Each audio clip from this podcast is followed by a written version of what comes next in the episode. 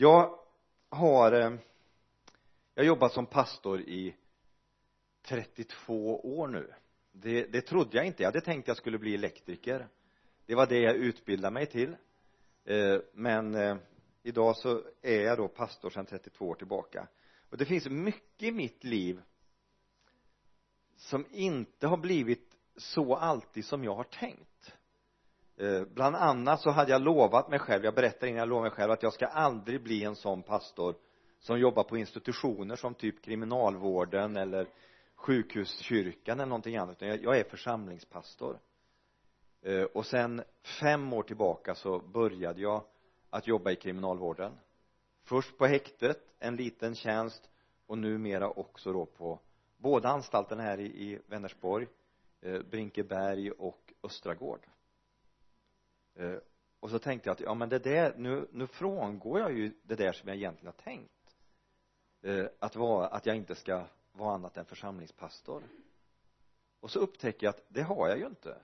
Därför att jag möter ju en församling bland de människor och de män som jag möter då som sitter på våra anstalter här i Vänersborg.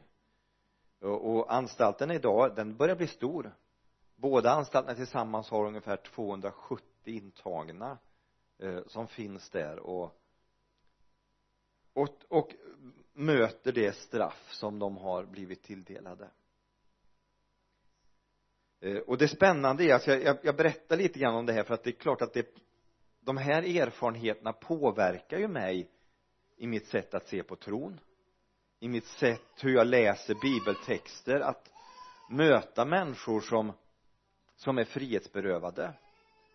Eh, och det påverkar också på det sättet att jag i mitt möte möter människor som inte bär en tro.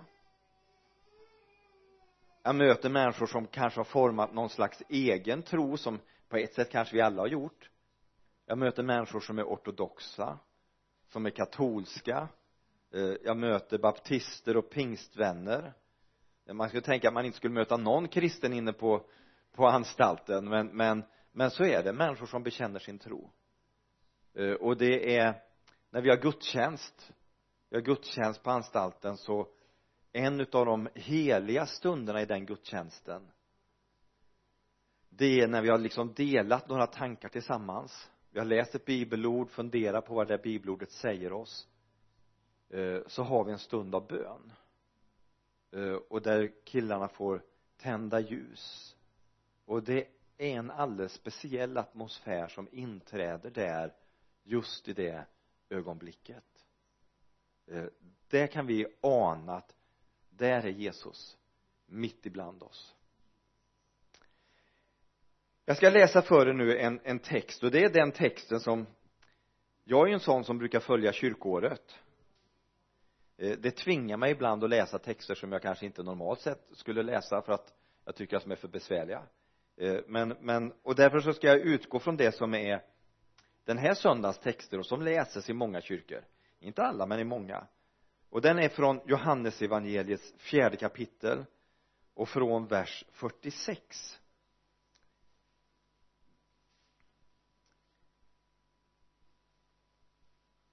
Jesus kom alltså tillbaka till Kana i Galileen där han hade gjort vatten till vin en man i kunglig tjänst hade en son som låg sjuk i Kafarnaum. När han fick höra att Jesus hade lämnat Judeen och var i Galileen sökte han upp honom och bad honom komma ner till Kafarnaum och bota hans son som låg för döden. Jesus sa till honom om ni inte får se tecken och under så tror ni inte. Ämbetsmannen sade herre kom innan min barn dör. Jesus svarade gå hem din son lever. Mannen trodde på vad Jesus sa och gick. När han ännu var på väg hem mötte han sin tjänare som talade om för honom att pojken levde. Han frågade då vilken tid på dagen han hade blivit bättre och de svarade igår vid sjunde timmen lämnade febern honom då förstod fadern att det hade hänt just när Jesus sa till honom din son lever. Och han kom till tro liksom alla i hans hus. Detta var det andra tecknet som Jesus gjorde när han hade kommit från Judeen till Galileen.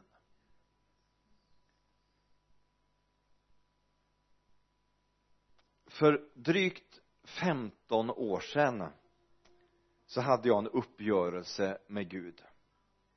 Min äldsta son hade blivit svårt sjuk. Han hade drabbats av en blodförgiftning. Eh, det var en tuff tid den sommaren. Under tre veckor så låg han nersövd och under en, en lång period visste vi inte om han skulle klara sig eller inte eller om han skulle få men utav sin skada. Eh, sammanlagt så var han fem månader på sjukhus. Eh, i ett läge vi hade många människor, det var spännande. Eh, eh, jag har ju haft tjänst i Uddevalla. Och det har funnits en del spänningar mellan kyrkorna i Uddevalla.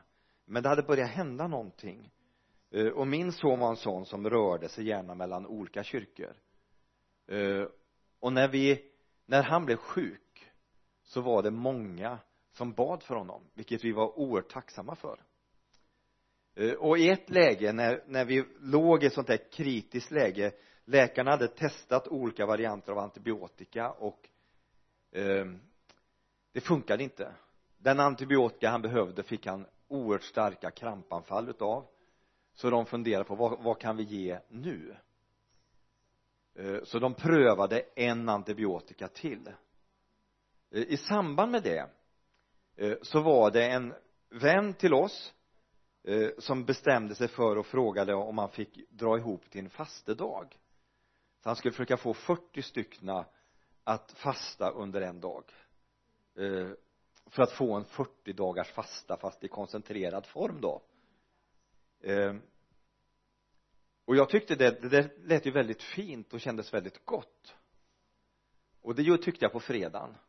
Och på lördagen blev jag arg på Gud. Och så sa jag så här Gud behövs det 40 personer för att du ska höra min bön om att för, du ska förbarma dig över våran son? Och vad gör du med alla de som inte har en vänkrets där 40 styckna kan be? Och jag var jag var riktigt upprörd på Gud. Och tänkte är det så vi måste ska vi blidka dig med fasta? Ska vi blidka dig med att vi måste göra saker för att du ska lyssna? Eh, och så visste jag att på måndag ska de göra den där fastan. Och jag kände mig väldigt kluven. Och jag var jag var jag var arg på Gud. Arg för att han inte svarade på våra böner. Arg på att vi skulle försöka liksom blidka honom på något sätt. Så händer det märkliga. Att på söndag eftermiddagen dagen innan bönefastan så kommer läkarna och så säger de vi ser att antibiotikan hjälper. Vi ser att infektionsvärdena nu går ner kraftigt i, min, i din sons kropp. Och så tänkte jag ja du Gud ibland hör du också böner från en ensam pappa som ropar efter dig.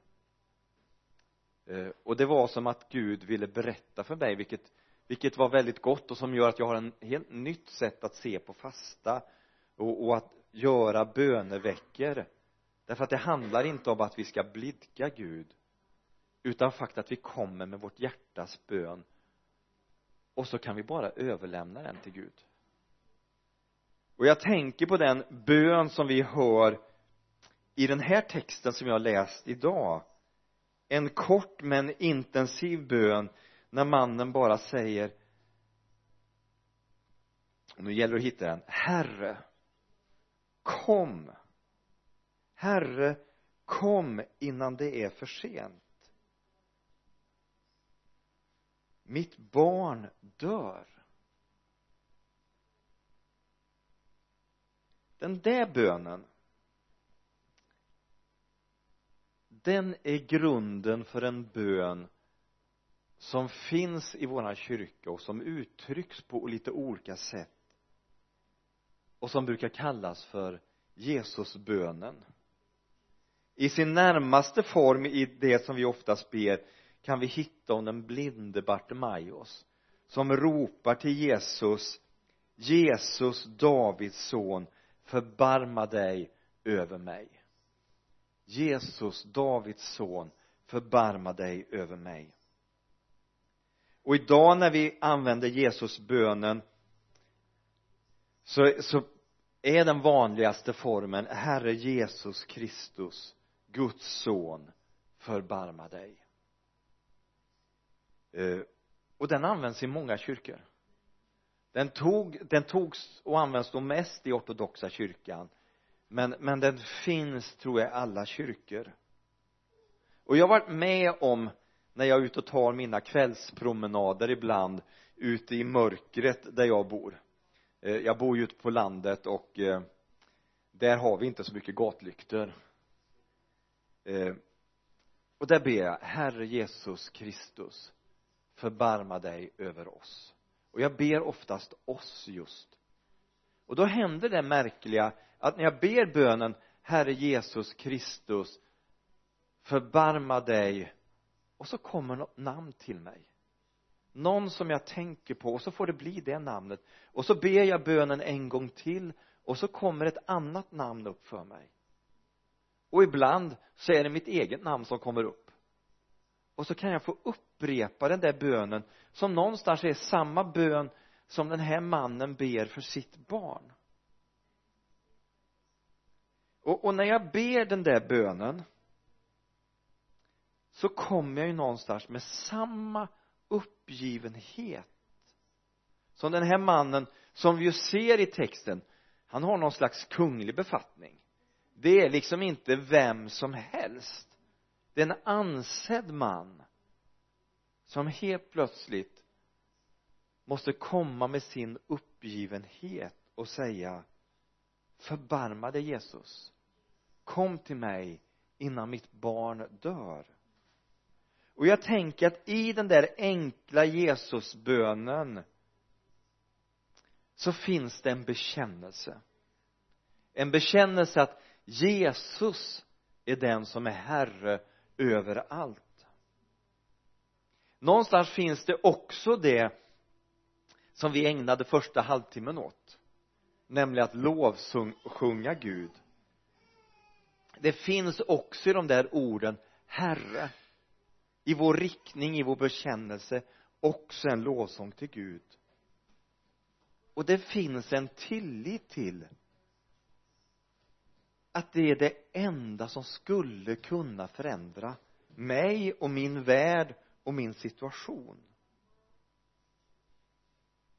Vi riktar oss till den treenige guden och vår position är tillbedjan där vi säger Herre förbarma dig. Herre kom innan det är för sent.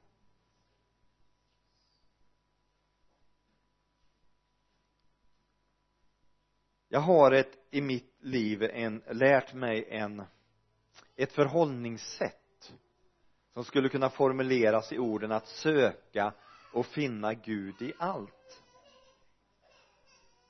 när vi ber den där bönen om att, att Jesus ska förbarma sig över oss eh, så möter ju inte alltid Gud så som vi önskar och vill. Och jag brukar ibland påminna killarna på anstalten om att kom ihåg att det inte är till jultomten vi ber. Vi kan komma med vår önskelista fast det är inte jultomten det är till den levande guden jag har under perioder av mitt liv levt med depressiva drag. Jag har haft en sån period nu. Det, det syns sällan på mig när jag möter människor därför att då det händer något i mötet med människor. Men jag har vaknat under det senaste året väldigt många morgnar där jag har känt när jag legat i sängen. Gud, jag vill inte gå upp idag. Helst vill jag ligga kvar här under täcket och jag har bett den där bönen Herre Jesus Kristus förbarma dig över mig. Eh, och det tycker jag att han har gjort på det sättet att jag trots då att jag inte vill gå upp ur sängen faktiskt går upp ur sängen. Att jag faktiskt kommer iväg till till mitt jobb. På häktet i Uddevalla eller på anstalterna här eller den lilla tjänsten jag har i kyrkan. Eh, och på ett sätt så är det ett svar på mina böner samtidigt så ber jag ju också den där bönen. Herre Jesus Kristus förbarma dig över mig. Och så ber jag också vad vill du lära mig i det här? Kan jag liksom få få känna och uppleva att, att du är mitt i det här? Eh, och det märkliga är att, att samtidigt som jag lever med det där depressiva så när, när folk frågar mig hur du mår, hur jag mår så kan mitt svar vara jag mår sådär fast jag har det rätt bra. För det är det märkliga att mitt i det där så känner jag verkligen att att all min djupa tillit är till Gud. Och det är ju också det vi möter i den här texten. Den här mannen med kunglig börd är beredd att be den där bönen Herre Jesus kom. I en tillit om att det är bara Jesus som kan göra någonting nu. Och precis som vi fick vara med om undret att se att att våran son eh, faktiskt fick hälsan tillbaka. Faktiskt fick fortsätta och och finnas i det här livet och med en stor tacksamhet. Eh, och för er som var med på en begravning som jag hjälpte till med här i församlingen för några veckor sedan så var det han som spelade i gudstjänsten.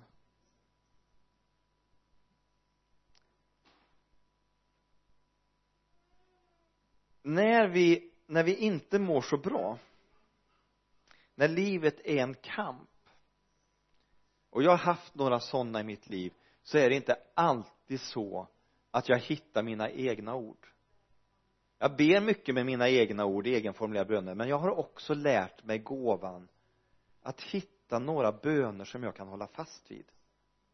Den ena jag talat om just nu och det är då Jesusbönen. Herre Jesus Kristus förbarma dig över mig. Och jag ber dessutom ofta Herre Jesus Kristus förbarma dig över mig syndare. För jag vet att jag inte alltid räcker till och då kan det vara skönt att också få formulera den på det sättet. Men en annan bön som jag också lever med eh, som jag tänkte att ni skulle få del utav eh, det är en bön som eh, som jag tror ni kommer upptäcka har liksom samma anda i sig. Oftast har vi hört den bara i dess korta form och det är anonyma alkoholisters bön. Gud ge mig sinnesro att acceptera det jag inte kan förändra. Mod att förändra det jag kan och förstånd att inse skillnaden. Eh, men den finns faktiskt i en längre variant. Eh, skriven 1926 utav en eh, en amerikansk teolog med rötter i Tyskland Reinhold Niebuhr och den här hittade man och så började man använda liksom bara den första delen. Eh, det var en man som kämpade mycket för utifrån sin kristna tro kring kring rättvisefrågor i Amerika. Eh, väldigt spännande man men jag ska inte jag ska inte fördjupa mig där då skulle jag kunna hålla på ett tag till med det. Eh, men jag skulle vilja visa på hur sinnesrobönen också kan vara en sån hjälp precis som den där bönen Herre förbarma dig eh, jag måste, en liten sån kuriosa. För många år sedan när jag precis hade mött den här bönen eh, får jag göra att, att man kan ju tro att en pastor aldrig har gräl hemma i sin familj. Eh, men jag och min hustru vi hade haft ett rejält gräl. Och jag var, om man får uttrycka sig så, förbannad.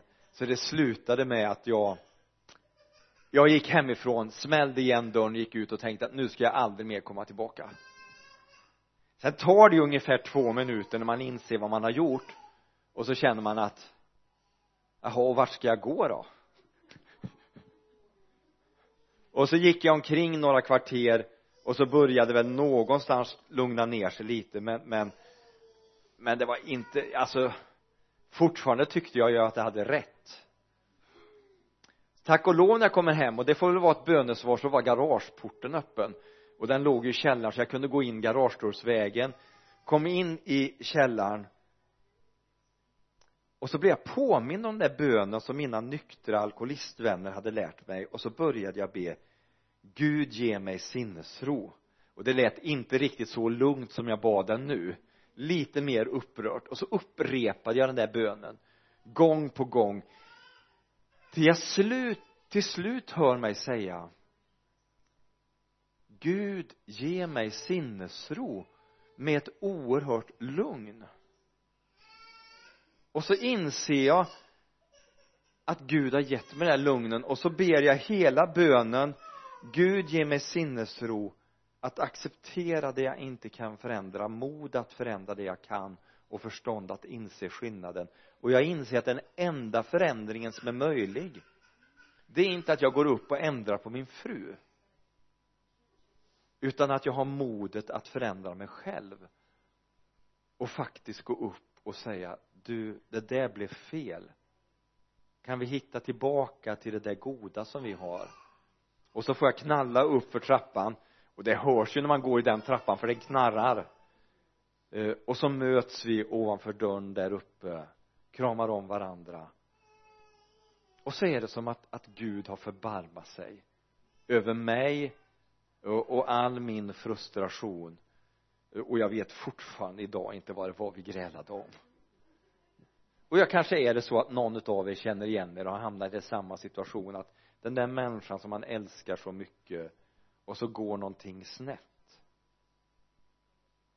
Men nu är det så här att den där bönen har en längre variant. Och den tänkte jag att jag skulle läsa för er. För när man har läst de där första raderna så fortsätter den så här. Jag vill leva en dag i taget. Njuta ett ögonblick i sänder. Acceptera svårigheter som en väg till frid. Jag vill ta som Jesus gjorde denna syndiga värld som den är inte som jag önskar att den skulle vara.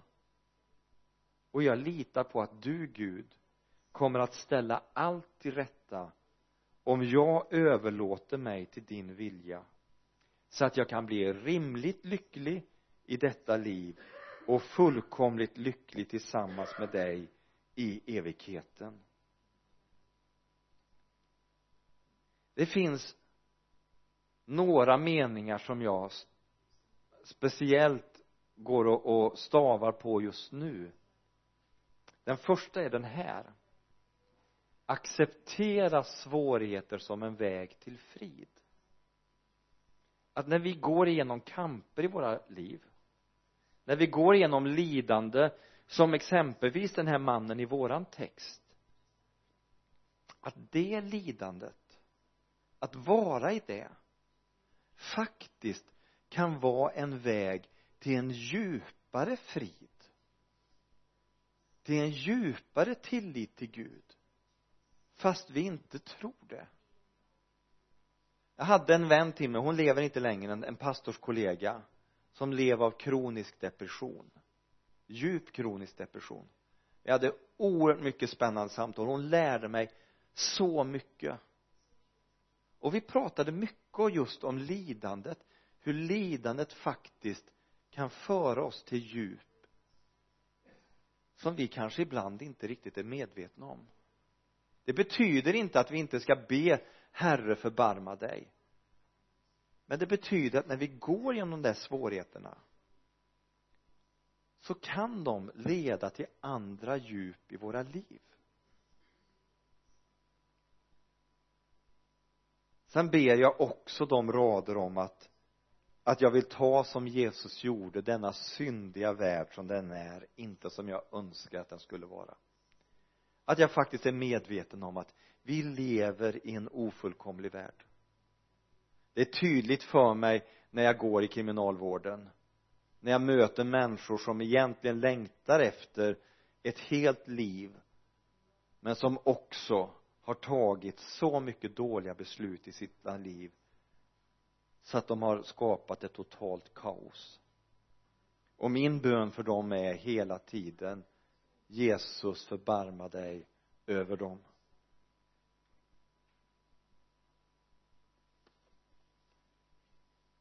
Om jag skulle sammanfatta min predikan på något sätt så skulle det vara som min andliga vägledare sa till mig. När vi hade pratat länge så säger han så här Per har du pratat med Jesus om det där? Och jag svarade nej det ska jag göra. Jag åker hem och gör det. Gör det säger han och så åkte jag hem. Och så pratade jag med Jesus om det som var mina bekymmer. Den här mannen han gick till Jesus för att berätta om sina bekymmer. Han vandrade en lång väg för att komma dit och säga till Jesus Jesus kom. Jesus förbarma dig. Gå till Jesus hittar du inga andra ord så säg bara Herre kom. Eller be Jesus bönen Herre förbarma dig. Eller om du vill bara göra riktningen tydlig Herre Jesus Kristus förbarma dig över mig. Förbarma dig över min vän. Förbarma dig över våran värld. Så orkar du inga andan, annat. Andas ut och andas in. Herre kom. Andas ut och be Herre förbarma dig. Amen. Herre Jesus Kristus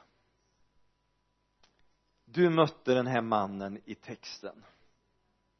Och du mötte hans son på ett mirakulöst sätt. Och vi ber herre om att vi skulle finna en sån tillit som du pratar om i texten att vi inte behöver tecken och under för att lita på dig. Men tack för att vi samtidigt får tro att du ger tecken och under till oss att vi kan få vara med om de där ögonblicken när våra liv förändras. Men tack för att du heller aldrig släpper taget om oss när vi är där i mörkret och allt känns hopplöst. Herre tack för att du också vill möta oss där. Och hjälp oss att ana att du är också mitt i det djupaste mörkret och tack för att du lyssnar till våran bön när vi ber dig Herre förbarma dig. Herre förbarma dig över mig. Herre förbarma dig över mina vänner här. Förbarma dig över våran värld med allt det lidande som finns där. Herre hjälp oss att se att du är här. Amen.